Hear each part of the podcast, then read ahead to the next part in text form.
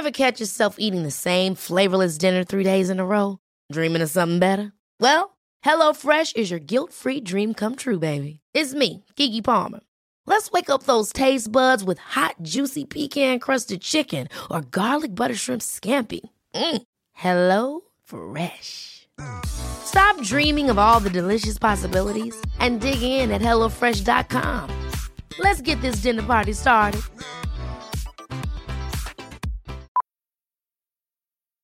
Millions of people have lost weight with personalized plans from Noom, like Evan, who can't stand salads and still lost 50 pounds.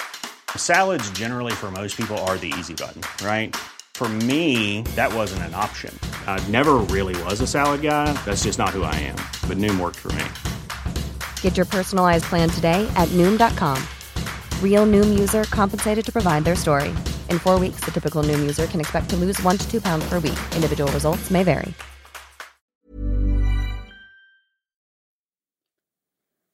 قبل ما نبلش بهالحلقة من عيب حابين نحكي لكم عن برنامج جسدي اللي بتنتجه شبكة كيرنينج كولتشرز رح تسمعوا فيه ضيوف بيشاركوا تجارب وأفكار عن أكثر جوانب حياتهم حميمية عن جسمهم وعلاقتهم معه ودوره في حياتهم. كل خلية بجسمي كانت ترجف. كنت حاسة إن أنا عايزة أخرج من جسمي. رح تسمعوا قصص مختلفة بتدور حوالين التعايش مع القالب اللي انولدنا فيه بكل ميزاته وقصوره. بتقدروا تسمعوا جسدي على أي تطبيق بتستخدموه لسماع البودكاست أو تستخدموا الرابط الموجود في وصف الحلقة اللي عم تسمعوها. غيرنا أسماء الشخصيات بهالحلقة حفاظاً على خصوصيتهم.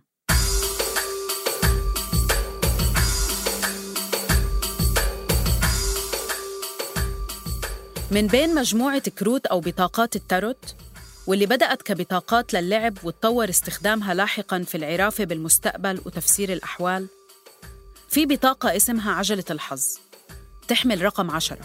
بالزوايا الأربع على البطاقة بنشوف ملاك ونسر وتور وأسد بيمثلوا أبراج الدلو والعقرب والتور والأسد. وبنص البطاقة بنشوف عجلة ضخمة منقوش عليها علامات سرية. على شمال العجلة في أفعى متجهة لتحت. وفوق العجلة بيقعد أبو الهول بيمثل المعرفة والحكمة والقوة. وتحتها للعجلة بيظهر الإله الفرعوني أنوبيس إله العالم السفلي والموت. عم يلفوا الاثنين مقابل بعض بشكل أبدي. ولو انسحبت بطاقة عجلة الحظ بتكون بترمز لتغيير حياتي أساسي بانتظار الشخص اللي بيتلقى القراءة. دورة حياة جديدة تغيير قدري ما في عنه رجعة. هزة قوية أو لحظة ثورية في الحياة أو الحب. ولما هاللحظة الثورية تكون أكبر من الشخص وأكبر من محيطنا الضيق بس لما تكون ثورة بحياة الملايين نفس قوي وجديد أو أمل معبي القلوب والعقول بحيوات أفضل ومصائر أكثر عدالة وخير كيف ممكن تأثر هيك أوقات ملحمية على تفاهماتنا وموقعتنا بالعلاقات؟ وقديش بتأثر على رهاناتنا في الحب؟ وكيف ممكن الظروف السياسية في البلد تدفعنا لأنه نتعرف على جانب جديد من الحبيبة أو الحبيب؟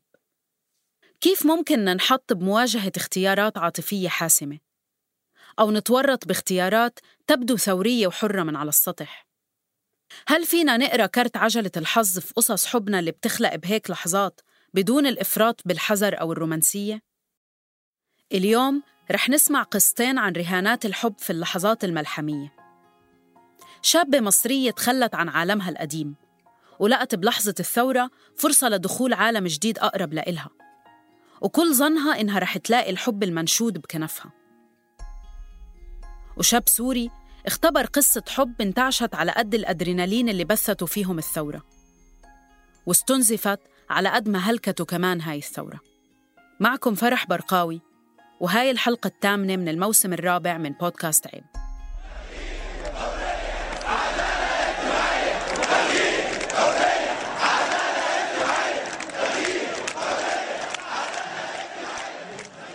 وكان في حالة وقتها كده من يعني انفعال كده عاطفي تجاه كل الأشياء و... فابتدت من هنا المشاكل و... وابتدينا نقرر يعني إن إحنا خلاص هننفصل وإن أنا مش قادرة أكمل في الحياة دي. آه، هو بالنسبة له الثورة هي اللي دمرت حياته وإن هو كان هيعيش مستقبل أحسن وإن بناته كانوا هيعيشوا مستقبل أحسن مع أهلهم وإنه حياتنا كانت هتبقى وردية وجميلة. آه، لولا إن الثورة جت خطفتني منه على حد قوله يعني. بأواخر سنة 2010 نهى كانت بمنتصف عشريناتها ومستغرقة بحياتها الشخصية. كانت وقتها متجوزة وعندها بنتين وبتشتغل بوظيفة ثابتة ومستقرة. أنا أول ما اتخرجت من الجامعة اتجوزت جوازة تقليدية طبيعية جدا زي اللي أهلي كانوا متجوزينها.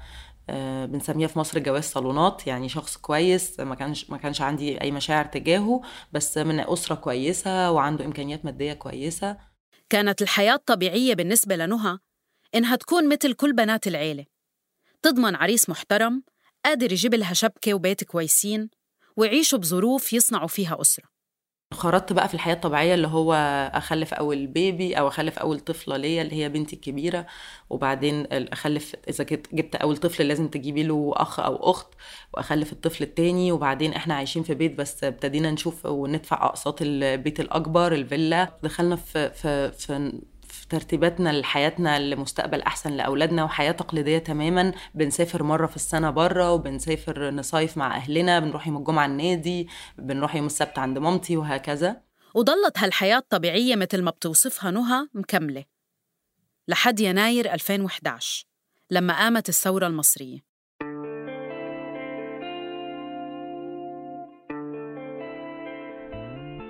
في اللحظة دي أنا اكتشفت إن أنا عايزة أشارك وإن أنا حابة أبقى جزء من اللي بيحصل واكتشفت بقى الجانب الآخر لجوزي اللي أنا عمرنا ما اضطرينا نكتشفه قبل كده إن هو شايف إنه إنه أي حاجة هتأثر على الوضع الاقتصادي هو مش عايزها وإنه إحنا مش ه... أنا مش عايزك تنزلي مع ناس بالنسبة له يعني رعاع يعني دول ناس في الشارع. إحنا وإحنا جوا علاقات طويلة ومستقرة نسبياً. كتير مننا بيفكروا إنه خلص عارفين كل شي عن الشخص اللي معنا. عارفين ذوقه ومتقبلين جوانب من شخصيته ومحافظين على مساحة الاختلاف معه بالقدر اللي قادرين نستحمله. لحد ما تسحب لنا الحياة كرت عجلة الحظ مثل ما صار مع الثورة المصرية وبعلاقة نهى. اكتشافها للجانب الحذر وغير المنخرط سياسياً جوا جوزها كان شي كبير. بس الشي الأكبر كمان كان إنه الثورة رجعت لها جانب ثوري داخلها. كانت خبته ودفنته مع روتين الحياة النمطية اللي كانت عايشتها. طول الوقت كان في الحاجات دي موجودة بس ما كنتش عارفة هي رايحة فين ولا بتعمل إيه. طول الوقت في المدرسة كنت بتزعم أي حركة معارضة لأي تصرف مش عاجبني. يمكن وقت كمان مظاهرات فلسطين ده ظهر شوية ابتدى إنه في شوية حركة فأنا شاركت فيها مع إن صحابي وقتها كانوا شايفين إنه يعني إيه العبط ده؟ إحنا ملناش دعوة. بس أنا وقتها قررت إن أنا أشارك فيها وكنت طفلة يعني وبطلع مع أطفال ماشية من المدرسة وبنكتب بال بال بالسبراي على الحيطة في المدرسة وعلى في الفصل بنكتب وبنرسم. فيعني يمكن كان في بذرة بس ما كانتش ظاهرة بس هي لقت يعني لقت نفسها في في 2011 أدين بدين الجدعنة وبدين رفاق الدرب.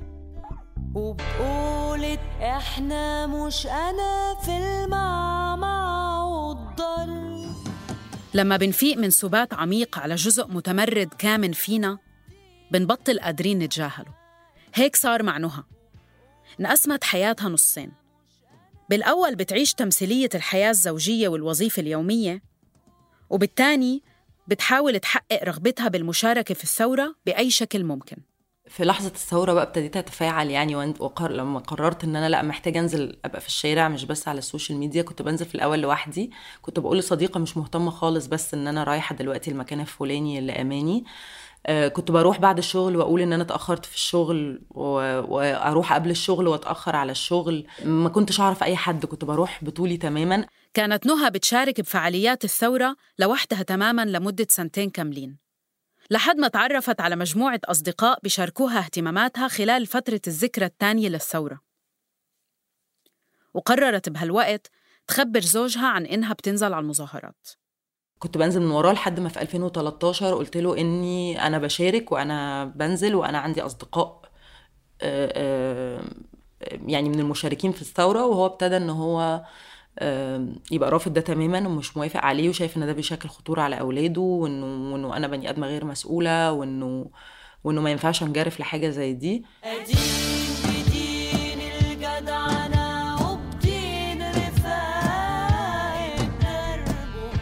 وبهيك لحظات بنستجمع فيها شجاعتنا لنحكي حقيقتنا ونعبر عن رغباتنا بحرية.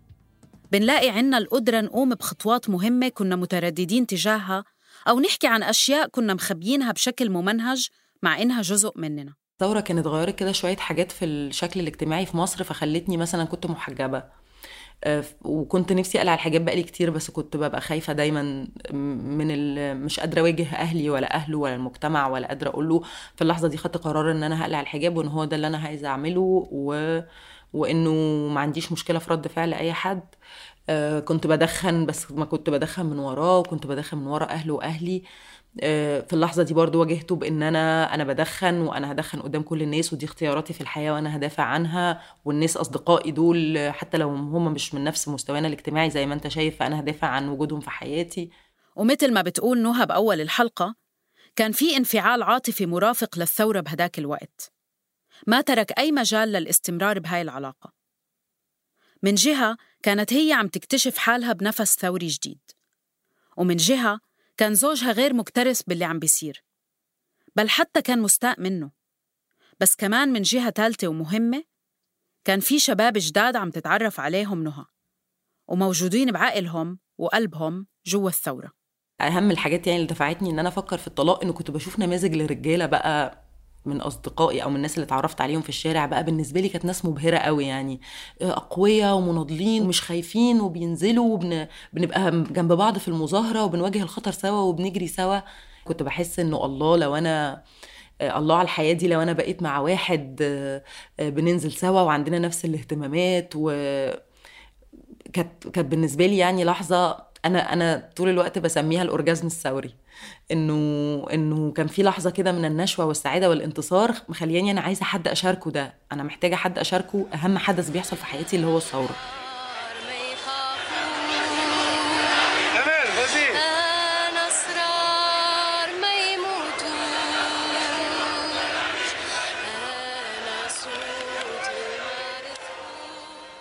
هلا أنا تذكرت شغلة إنه الثورة خلتني آه، أنفصل عن حب.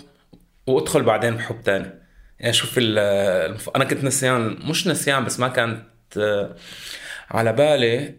بالوقت اللي كانت فيه نهى بتفكر بالطلاق كان مازن عم بيشوف وين رح ينتهي الحال فيه بعد ما ترك بلده سوريا هربا من الملاحقة الأمنية. هو حاليا عايش بألمانيا. ولما سألته عن قصة حب بحياته مرتبطة بالثورة مازن تذكر بس قصة حبه اللي انولدت بقلب الثورة السورية. لوهلة كان نسي كيف موجة الثورات لما إجت حسمت تماما موقفه من علاقة أقدم. أو يمكن ما نسي. يمكن مخه بيحاول يمسح هذا الجزء من التاريخ بشكل لا إرادي.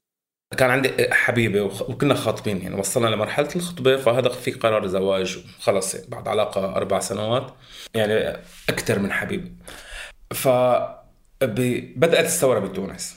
وأنا كنت أشتغل مع مشروع تونسي مشروع آه كمان مشروع مدني يعتبروا معارضين تونسيين. فكنت أشتغل معهم أونلاين فتحولت لشخص كتير مندمج بالثورة التونسية لدرجة أنه آه 24 ساعة لأن أنت عم تغطي نيوز صفحات أخبار.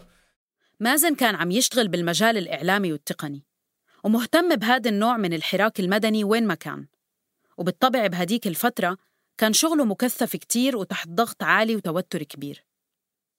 المهم بلحظة سقوط بن علي بتتذكري لقطة هذا الفيديو اللي كان عم عم في حدا عم يصرخ بن علي هرب بن علي هرب؟ فأنا بكيت. يعني آه، بدأت أبكي وما عاد آه، ما قدرت أمسك حالي. فأول شغلة بتسويها بتتصلي بالشخص اللي بتحبيه فاتصلت بحبيبتي وعم ببكي. فقالت لي شبك؟ قلت لها بن علي هرب بن علي. فهي قالت لي إيه وإذا نحن شو بيهمنا؟ يعني صدمتني بطريقة إنه طز يعني إنه ليش عم تبكي؟ فقلت لها إنه في شعب انتصر في ثورة. قال إيه وإذا يعني نحن شو دخلنا؟ أوقات لما حدا بيكون بعلاقة فيها التزام طويل وتحديدا لو في مشروع زواج مقبل بصير الشخص يحاول يرقع المشاكل أو يجرب يتجاوزها عشان الاستثمار اللي عمله أو عملته بالعلاقة. لكن إلا ما تيجي لحظة شارقة مثل الشمس بتقول لنا بكل وضوح هاي العلاقة ما بينفع تكمل. بعد أربع سنين من علاقة استثمر فيها كتير كانت هاي اللحظة هي اللحظة بالنسبة لمازن على التليفون وبسبب الثورة التونسية. حدث كان يبدو للبعض بعيد عن سوريا بهداك اليوم. فهون كانت صدمة وأنا وقت عرفت إنه كان في مشاكل سابقة. فأنا عرفت إنه هي الشخص ابدا ما أنا مناسب بالنسبة إلي. لأنه رح نختلف كثير وطبعا بدأت الثورة بسوريا ووضح تماما هي راحت باتجاه النظام وأنا رحت باتجاه المعارضة. أنا أسرار ما يموتوش أنا الصوت اللي ما رزقوش أنا حر وكلمتي حرة اندلاع الثورة بسوريا كمل كشف المستور بالنسبة لمازن. بس يمكن اللي خفف صدمته كان إنه عم يحسم موضوع العلاقة يدوب والثورة بسوريا عم تبدأ. كنا عم ننفصل. بس ضلينا نحكي مع بعض. أنا يعني أنا ضليت اتصل فيها اطمن عليها لأنه صار بمنطقتها بحمص هي. في آه، أعمال عنف وهيك. فأنا بشكل يومي اتصل واطمن عليها. بس هي بالأخير عرفت إنه أنا معارض وعملت لي بلوك. طبعا بعد سجن مرتين. وخلص حسفتني من حياتي. بهاي اللحظة الصدمة راحت وإجا بدالها شعور بالراحة أو الإحساس بشكل أو بآخر بالنجاة. النجاة من علاقة كانت رح تتحول لكابوس. عرفت؟ صدمت صراحة مش انصدمت كنت سعيد إنه صار هذا الموقف لأنه حلو تتعرفي على الإنسان قبل ما تكوني معه قبل ما ترتبطي بشكل دائم فهي الثورة عرفتني قديش هذا الشخص اللي معي هو ما بيشبهني. إنه أوكي في أمور بتشبهني فيها بس خاصة أنا قبل قبل ما تبدأ الثورات يعني والربيع العربي هديتها كتاب كتير حساس كتاب اسمه نيجاتيف لكاتبة سورية آه، عن شهادات الأسيرات أو المعتقلات بالسجون السورية. فالكتاب كتير قاسي. طبعا هذا الكتاب إذا بمسك بسوريا ممكن يدخل على السجن بسببه. لقيتها مهتمت فيه فوقتها تأكدت إنه هي okay بتشبهني عندها نفس الفكر تبعي. بس لما بدأ الربيع العربي وبدأت الثورات ابدا.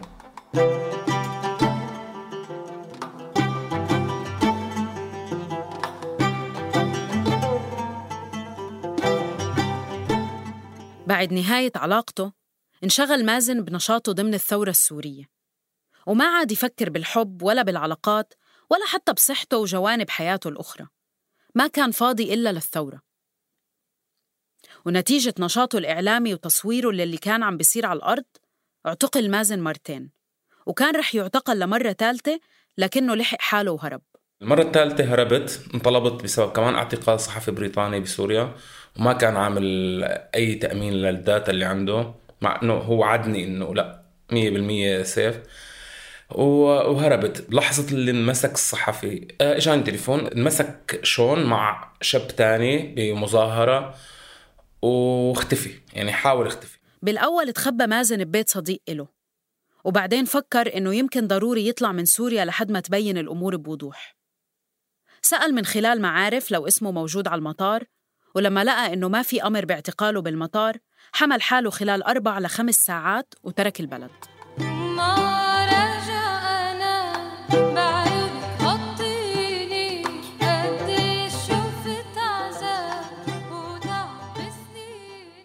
طلعت على الإسكندرية. طبعا كنت خايف. يعني أنا رغم إنه تأكدنا إنه اسمي ما موجود على الحدود بس آه، كنت كتير مرعوب وما خبرت أهلي لحتى صرت بآخر شيء. يعني على باب الطيارة اتصلت بوالدتي. قلت لها أنا مسافر على مصر عندي شغل. طبعا والدتي حست انه فجاه إنه مسافر. قلت لها عندي شغل برجع يعني أسبوع أو أسبوعين ما بعرف. واتصلت بأختي كمان اللي هن الوحيدين اللي باقيين بسوريا. ودعتها وتفاجأت إنه أختي كانت ولداني قبل نص ساعة. يعني قبل بساعة تقريبا هيك قالت لي إنه ولدت. فأنا كمان ما شفت ابنها كانت هي لهلأ ما شفته. مازن سافر بشكل خاطف وكل فكره إنه رح يعرف يرجع قريباً. كمان كانت الفكرة إنه ضل هناك 15 يوم لأشوف شو رح يصير وأرجع على سوريا. وهلأ مرق من 2011 لهلأ يعني وخلص.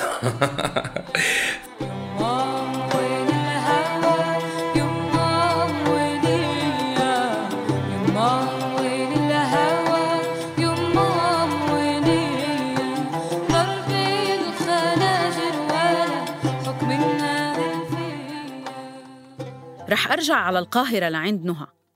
اللي كانت عم تمشي بموضوع الطلاق بحسم وبنفس الوقت عم تتعرف على شخص جديد جوا العالم اللي دخلته وانشدت له أثناء الثورة.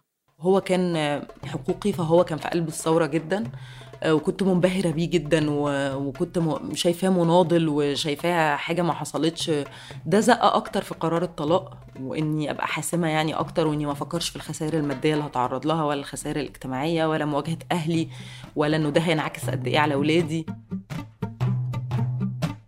وهو كان الوقت ده بيقويني وكان طول الوقت بيكلمني عن فكرة الاختيار وإزاي يبقى اختياري حر وإزاي إنه آه، إزاي انه الحياة مستنيانا النجاحات والنضالات وال- وان نغير العالم. آه، اتجوزته بعد بالظبط بعد ثلاث شهور ونص من طلاقي الأولاني. عكس مدارات الرحايا بيني وبينك مسألة. تقول إلى ما لا نهاية. تزوجت نهى حبيبها الجديد على الضيق وبوسط ظروف مادية صعبة جدا. تحديدا لأنه أهلها رفضوا الزواج بالأول. في الأول كانوا رافضين تماما وكانوا شايفين إنه إيه اللي أنت بتعمليه ده و- وأنت بتضيعي نفسك وبتضيعي أولادك و... وهو بالنسبة لهم حد ما بيشتغلش الشغلانه اللي اجتماعيا مثلا هم قابلينها أو مش مستواه المادي زي ما هم كانوا متصورين أو زي حتى جوزي الأولاني. بس كمان لأنه عندي أولاد ولأنه في مصر في ضغوطات ليها علاقة بالأولاد والحياة الاجتماعية فكان لازم أتجوز علشان أولادي يفضلوا معايا علشان لو حصل لا قدر الله أي شيء لو أنا مش متجوزة ممكن أولادي يتاخدوا مني وممكن أتهم اتهامات أخلاقية يعني آه، صعبة وأتعرض لمواقف صعبة. فده ضغط عليا برضو باني في إني أتجوز بسرعة. وهيك ما بين حماسة الحب الجديد ويوميات الثورة من جهة والضغط الاجتماعي من جهة علاقة نهى بالشخص الجديد أخذت القطار السريع بدون تفكير كتير. والأهل كمان قبلوا بالعلاقة بعد فترة من الضغط. كان في حالة من إن إحنا بقى بنروح المظاهرات سوا آه، بنروح ال- النشاطات كلها اللي ليها علاقة بالأشياء الثورية سوا المناسبات آه، كل حاجة مع بعض. حملت في ابني وكنا برضو في نفس الحالة اللي فيها ال- النشوة الثورية دي. ناس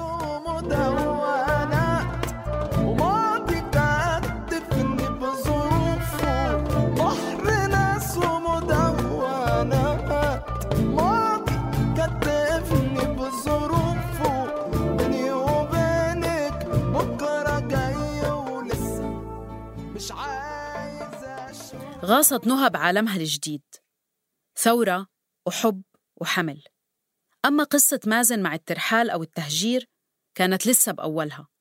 وللصدفة كمان بدأت معها قصة حب رحالة. 2012 كنت بمصر وتعرفت على حبيبتي ال- الجديدة.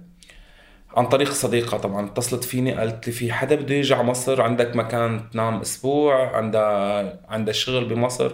فقلت لها okay أنا عندي بيت وفينا تيجي تقعد و... وتعرفت عليها لهي ال- الصبية. وبعدين اشتغلت معنا بنفس ال project اللي أنا كنت بشتغل فيه. التعارف صار أثناء زيارة سريعة. بس بعد ما رجعت الصبية على سوريا وصارت تشتغل مع مازن بنفس المشروع شوي شوي بدأت تصير بيناتهم علاقة عن بعد. كل يوم أنا نشتغل مع بعض آه، بأمن عليها إنه أوكي الأمور تمام ما في مشاكل. فهذا خلانا نقرب كثير نهتم كثير خاصة بلحظات اللي بيكون في حرب في قصف في في تفجيرات. فدغري بفكر فيها وبتصل فيها. دائما هي تطلب نصيحتي ببعض الأمور آه، خاصة أنا كثير داخل بالسياسة هي كانت شديدة عليها الحر- الحراك السياسي فكثير ال- الحراك الثوري يعني خلانا نقرب على بعض خلانا بشكل يومي نحن مع بعض نحكي كل يوم. بغض النظر إذا علاقتنا نحن عم نحكي لأنه نحب بعض ولا عم نحكي لأنه نشتغل مع بعض.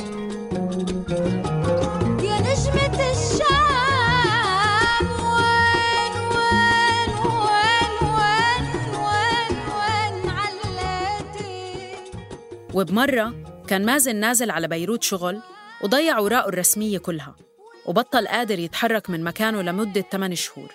فبهاي الفترة كان عندنا كتير ميتينج للشغل فتجي من من الشام على بيروت و وبدأت علاقة الحب بيناتنا وخلص ارتبطنا بشكل يعني خلص صرنا مع بعض ككبل وانتعشت العلاقة بهاي الشهور لحد ما لقي مازن حل إنه يطلع من لبنان على ألمانيا. فودعتها طبعا وأنا ما عندي أي فكرة إنه اثنيناتنا كنا مشوشين إنه إيه شو الخطوة اللي بعدها؟ ما هي صعب تجي. يعني ما فينا تاخذ فيزا كسوري ما بيقدر ياخذ فيزا على أوروبا لأنه بيعرفوا إنه السوريين إذا وجوا على أوروبا رح يطلبوا الرجوع. وما كان في طريقة تهريب يعني ما كان بدأ موجة اللاجئين اللي إجوا بطرق غير شرعية. فودعنا بعض وقلت لها اتركي الموضوع مفتوح أنا ما بعرف. بصراحه ما ما رح أوعدك بشيء و خلينا نكون شوي واقعيين ونفكر بعدين بالموضوع وهيك بلش ترحال جديد بالحياة والحب.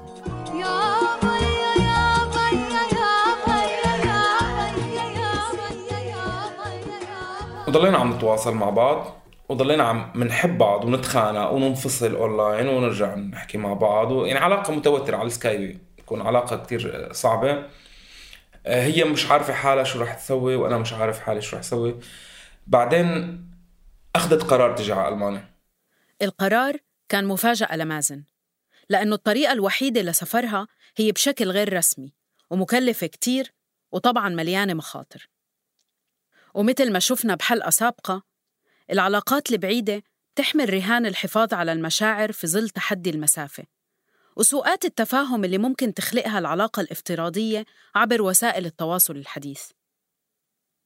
لكن بحالة الحرب والتهجير والشتات في أحداث وصدمات وظروف ممكن تزيد تقل العلاقة وتضاعف المسافة. مازن كان قلقان من هاي الخلافات ومن احتمالية برود المشاعر لو التقى بحبيبته بعد غياب شهور. ولهيك قرر يحكي معها قبل ما تبدأ رحلتها الشاقة لألمانيا.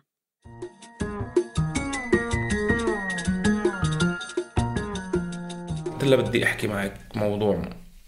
بتمنى تسمعيني. قالت لي أوكي. قلت لها أنت آه، قررت تجي على أوروبا. فكري بالموضوع إنك أنت قررتي تجي مشان مستقبلك. بسوريا هلأ الوضع خطر ما في مستقبل. ما قررتي تلحقيني لأنه ما بنعرف شو رح يصير. ممكن نستمر ممكن لا. أنا بتمنى ان نستمر وأنا كتير رح ساعدك ورح اوقف معك. بس بليز ما تحمليني هذا الذنب ولا تحمليه أنت لأنه هذا مو منيح لك. مازن حكى اللي بقلبه. مع إنه هيك شي مش سهل ينقال. ولو انقال كتير أوقات ممكن ينفهم غلط من الطرف الثاني سكتت شوي وفكرت فيه بجوز تفاجأت اني أنا كنت صريح بهالطريقة اللي ما أنا رومانسية ابدا. وقالت لي لا أنا جاي مشان مستقبلي مو مشانك. آه، فقلت لها أوكي. ريحتيني إذا هيك فبيكون كتير قرارك حلو. وخلينا نعمله. وبعد رحلة طويلة وشاقة ومكلفة وتهريب وتخفي مغامرات وقلق وصلت الحبيبة على ألمانيا وقدمت على لجوء وبلشت حياة جديدة والعلاقة كمان بلشت فصل جديد. بلشنا نطلع برحل بأوروبا رحنا إيطاليا شي أربع خمس مرات على فينيس على على هي أخذت كمان إقامة فنية بفلورنس وطلعت أنا عشت معها بفلورنس فترة لأنه مدينة كتير جميلة. فكان كتير شيء وردي يعني شهر عسل طويل.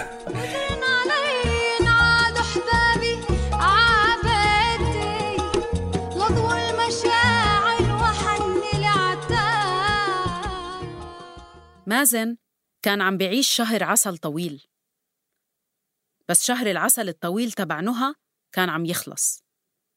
حالة العنفوان الثوري ما طولت.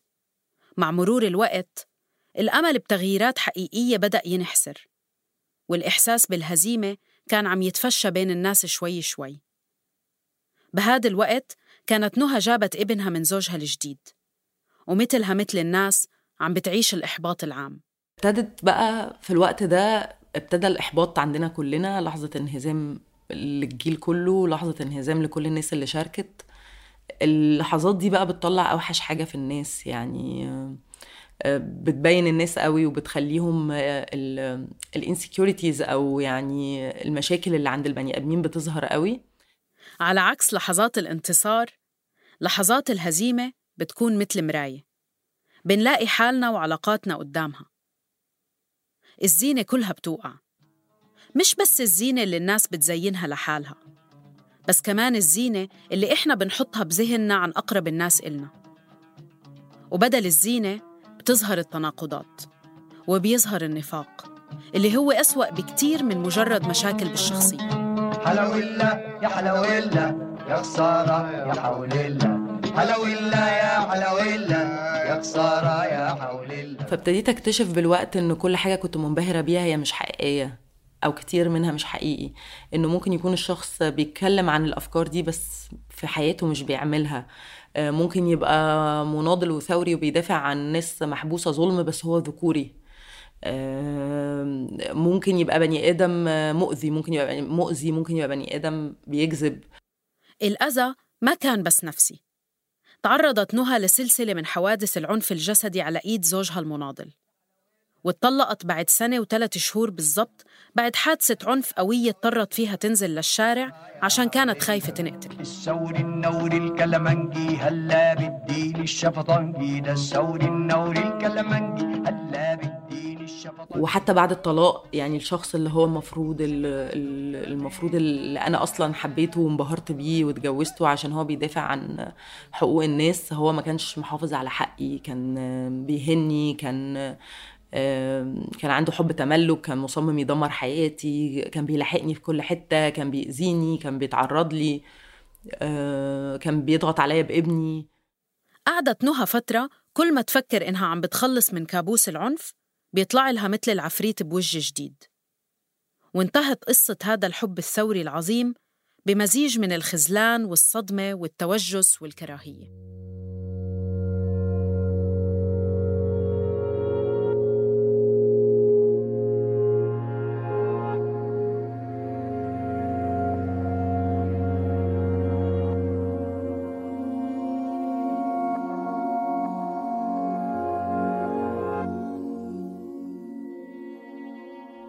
قصة حب مازن انتهت كمان. مش بسبب صدمات أو تغيرات كبرى بطريقة التعامل أو الحياة. العلاقة انتهت شوي شوي. موت بطيء بسبب اختلاف الطباع واختلاف القدرة على التعامل مع الأذى النفسي اللي مازن وحبيبته تعرضوا له خلال الثورة السورية والتهجير اللي لحقها. أه بس تفاصيل حياتي اليومية بين إنه أنا شي طباعي مختلف عن طباعها حاولنا كتير وهي هي كتير تنازلت. كتير حاولت ترمم العلاقة. بيناتنا أنا شوي كنت بفترة ستريس بسبب الفشل اللي عم يصير والحياة الفشل بشكل عام بكل المجتمع الدولي مو بس بسوريا بكل دول العالم. فأثر علي نفسيا يعني وشوي كانت نفسيتي تعبانة. زيك أنا مقسوم ما بين الضفتين. ببعد ساعات وساعات يرجعني الحنين.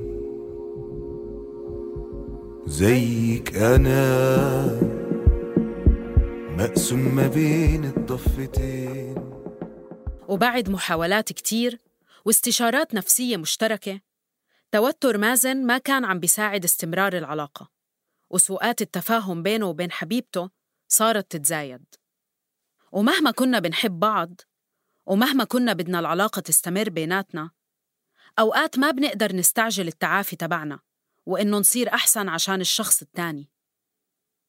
ومن الجانب الآخر ممكن نوصل لحد أقصى في التحمل والدعم والإستيعاب. لو تجاوزناه بنكون عم نأذي حالنا إحنا كمان. حبيبة مازن حاولت كتير تنقذ العلاقة. بس الحقيقة ولا يمكن يقدر طرف واحد بالعلاقة إنه ينجحها لحاله بدون تواجد الشخص التاني بشكل صحي. حرام هي كانت ضحية هذا الشيء. يعني هي متحملة هذا الشيء وعم تحاول تدعمني وتساعدني بس ما قدرت. وأنا ما قدرت. فبالأخير اتخذنا قرار إنه خلص ما رح نقدر نكفي لأنه وصلنا ثلاث أربع سنوات مع بعض ودائما في مشاكل كثرت آخر شيء المشاكل. مع أمور تافهة طبعا ما في خلافات كبيرة جذرية. فقررنا إنه اثنيناتنا أحسن نبعد ونضل أصدقاء أحسن ما إنه نضل مع بعض وعم نأذي بعض. أوقات بحس إننا شمس وقمر طريقين سفر ما بيتلاقوش. وبصراحة بعد سنة من المشاكل شبه اليومية والضغط الشديد الانفصال كان كتير مريح ومطلوب بالنسبة لمازن ولحبيبته وهالشي ما بينفي أبدا صعوبته. بصراحة بعد ما انفصلنا هي وأنا آه، حسينا إنه عملنا شيء صح. هيك نحن هيك نحن أصدقاء هلأ. بصراحة يعني لأنه أكثر من مرة قعدنا حكينا إنه كثير صح اللي سويناه.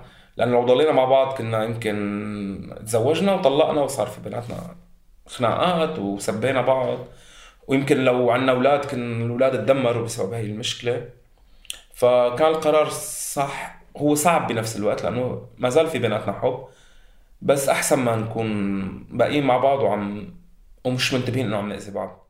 مازن وحبيبته انفصلوا من سنة بالضبط. بعد علاقة دامت ست سنين. مقسومة بين المسافة والحياة المشتركة.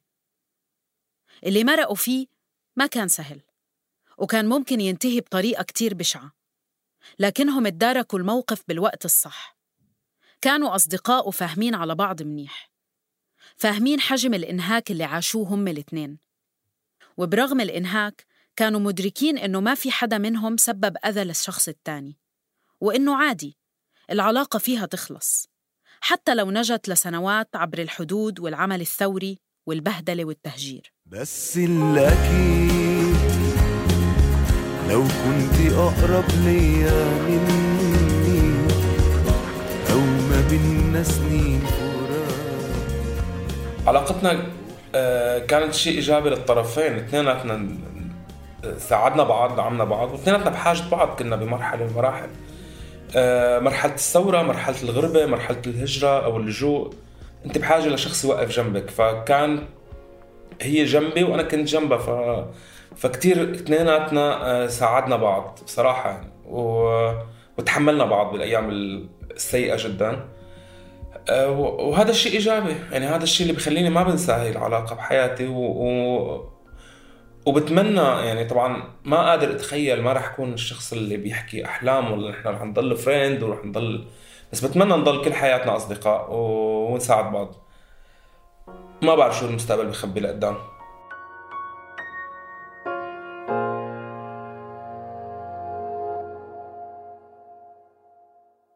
أما بالنسبة لنهى فلما بتطلع هلأ على تجربتها المؤذية والمسيئة بعد كم سنة من الانفصال فهي حريصة إنها ما توقع بفخ كراهية الثورة أو كراهية الرجال المنخرطين بالعمل السياسي. أي واحدة مكاني كانت ممكن تحكم وتقول إنه الثورة دمرت حياتي أو إنه الرجالة الثوريين دول وحشين جدا بس أنا لغاية دلوقتي متأكدة إنه هو كان اختياري للشخص اللي غلط. لا الثورة لا الثورة هي اللي دمرت حياتي ولا الرجالة الثوريين مؤذيين مش بفكر في الموضوع كده خالص بس بفكر قد إيه أنا كنت ساذجة قد إيه كان في حاجات واضحة قوي قدامي والحالة خلتني ما أشوفهاش وحماسي للحالة خلاني أنجرف وأنا مش حاسة. غير إنها انجرفت في لحظة عنفوان ثوري بتفترض أخلاقيات معينة عند الشخص الثوري. نهى كانت في علاقة مع شخص عنيف عنده قدرة عالية على التلاعب العاطفي. وبالتالي كانت بتشك بحالها وبتشك بإنها محقة. وبتتمرجح ما بين الإحساس بالأذى والإحساس بالذنب. وبتجرب تمشي من العلاقة وبعدين بترجع. لحد ما قدرت تنفصل تماماً. فطبعا في ناس كتير حكمت عليا في ناس كتير قررت ما تعرفنيش مثلا لما في, في, في, في أوقات ال ال الدايرة دي وهي بتلف لحد ما قدرت أخرج من العلاقة بشكل كامل.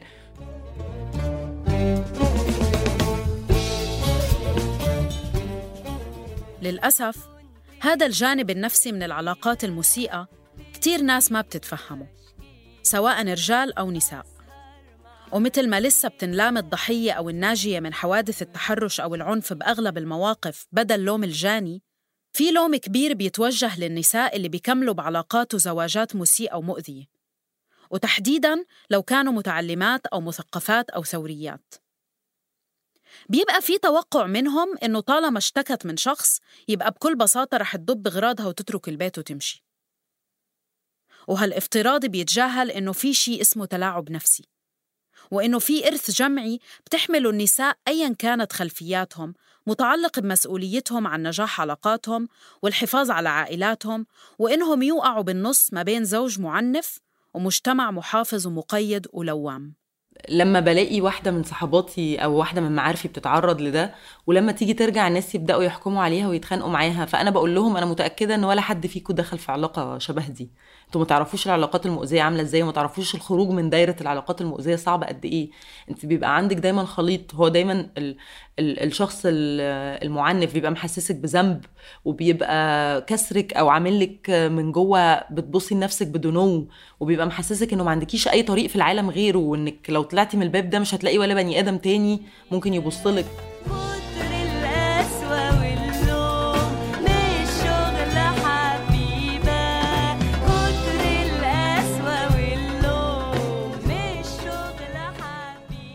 بس بالآخر نهى طلعت من هاي العلاقة المسيئة.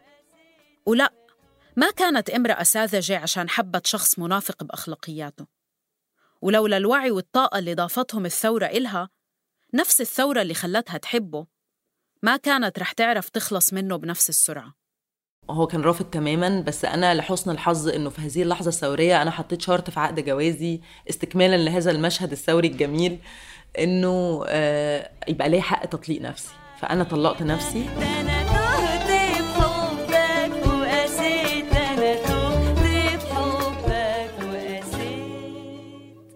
خلال العمل الثوري والحراكات المدنية والعمل الحقوقي والأهلي بيكون في توقع عالي من الأشخاص المنخرطين إنهم يكونوا متسقين ذاتياً مع المبادئ اللي بيدافعوا عنها واللي بيدعموا الناس اللي بيشتغلوا معهم عشان يحققوها. وكتير أوقات بيتغطى على المتحرشين أو المعنفين داخل هاي السياقات. إما لعدم التصديق إنه ممكن نفس الشخص الحقوقي يكون معنف أو متحرش أو لحماية سمعة المؤسسة اللي بيشتغل فيها أو الحزب أو حتى سمعة الثورة. فكرة الحماية هاي هي نفسها اللي الناس طالعة تثور عليها. حماية أصحاب السلطة واللي بترجع المجهود كله لورا بدل ما تخلق خطاب تحرري متسق وفعلا بيستحق نصدق فيه. وبنفس الوقت هذا التوقع باتساق أخلاقيات الحقوقيين بيكون جاي من مكان غير منطقي أحياناً. في تجاهل لخلفية هدول الأشخاص خارج اللحظات الثورية والعمل الحقوقي.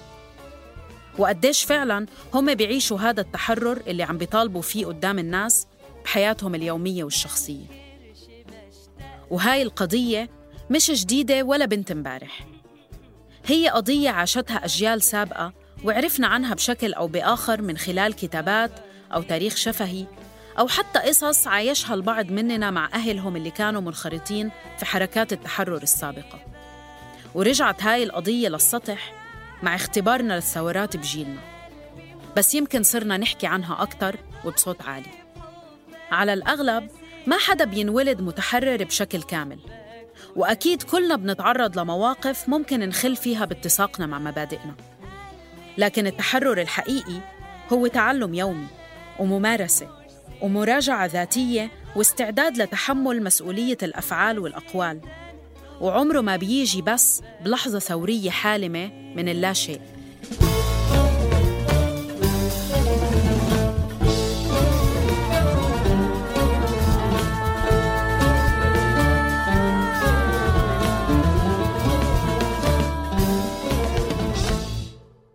الثورات واللحظات الملحمية بتجيب معها رهانات ملحمية.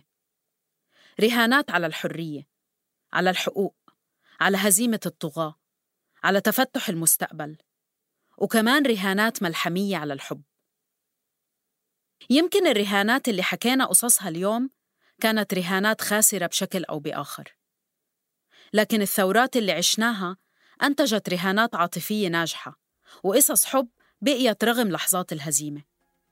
واللحظات الثورية اللي عم نعيشها السنة كمان عم تنخلق معها رهانات سياسية وعاطفية لربما تحمل انتصارات أكثر من اللي راح.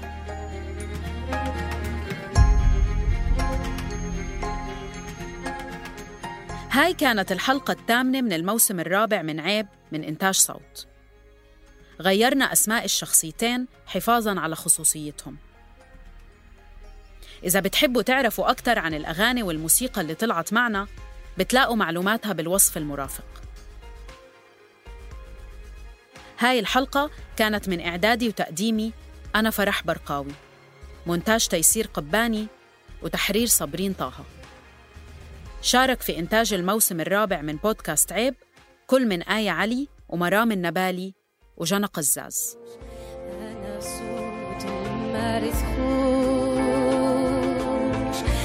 أنا سر الوردة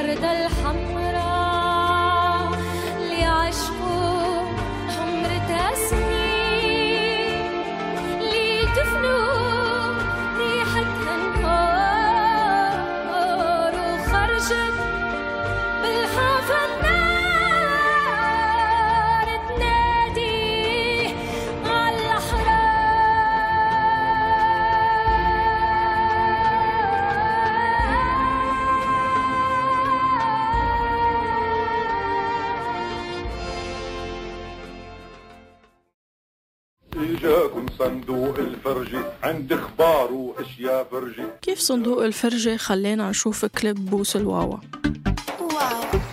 وشو وصل حمو بيكا لنيويورك تايمز زي زمان نفسي أشوف واحد سلكان الكلام على جرح الحكاية خلف الجدران شو جاب رشيد طه لجريندايزر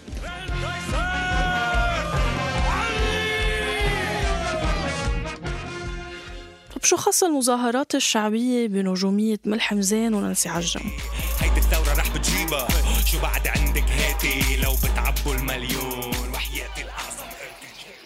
هم. بعد الطوفان نلقى الصديق الزين نتسندوا على بعض بالكتفين. أو شو الرابط بين النكسة وبين عازف تايه بصحراء سينا بودكاست دمتك بموسمه الثاني رح wonderful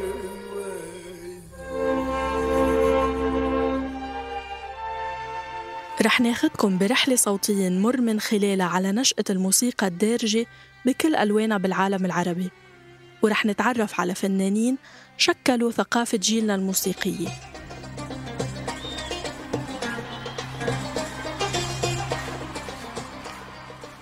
اشتركوا بقنوات دمتك محل ما بتفضلوا تسمعوا بودكاست.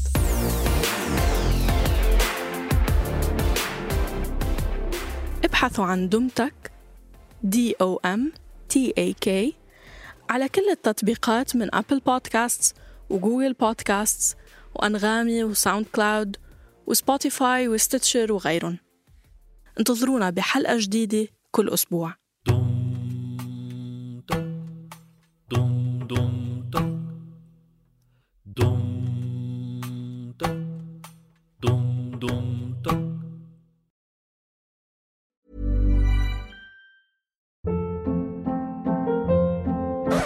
up! What was that? Boring. No flavor. That was as bad as those leftovers you ate all week. Kiki Palmer here, and it's time to say hello to something fresh and guilt-free. Hello Fresh. Jazz up dinner with pecan-crusted chicken or garlic butter shrimp scampi. Now that's music to my mouth. Hello Fresh. Let's get this dinner party started. Discover all the delicious possibilities at hellofresh.com.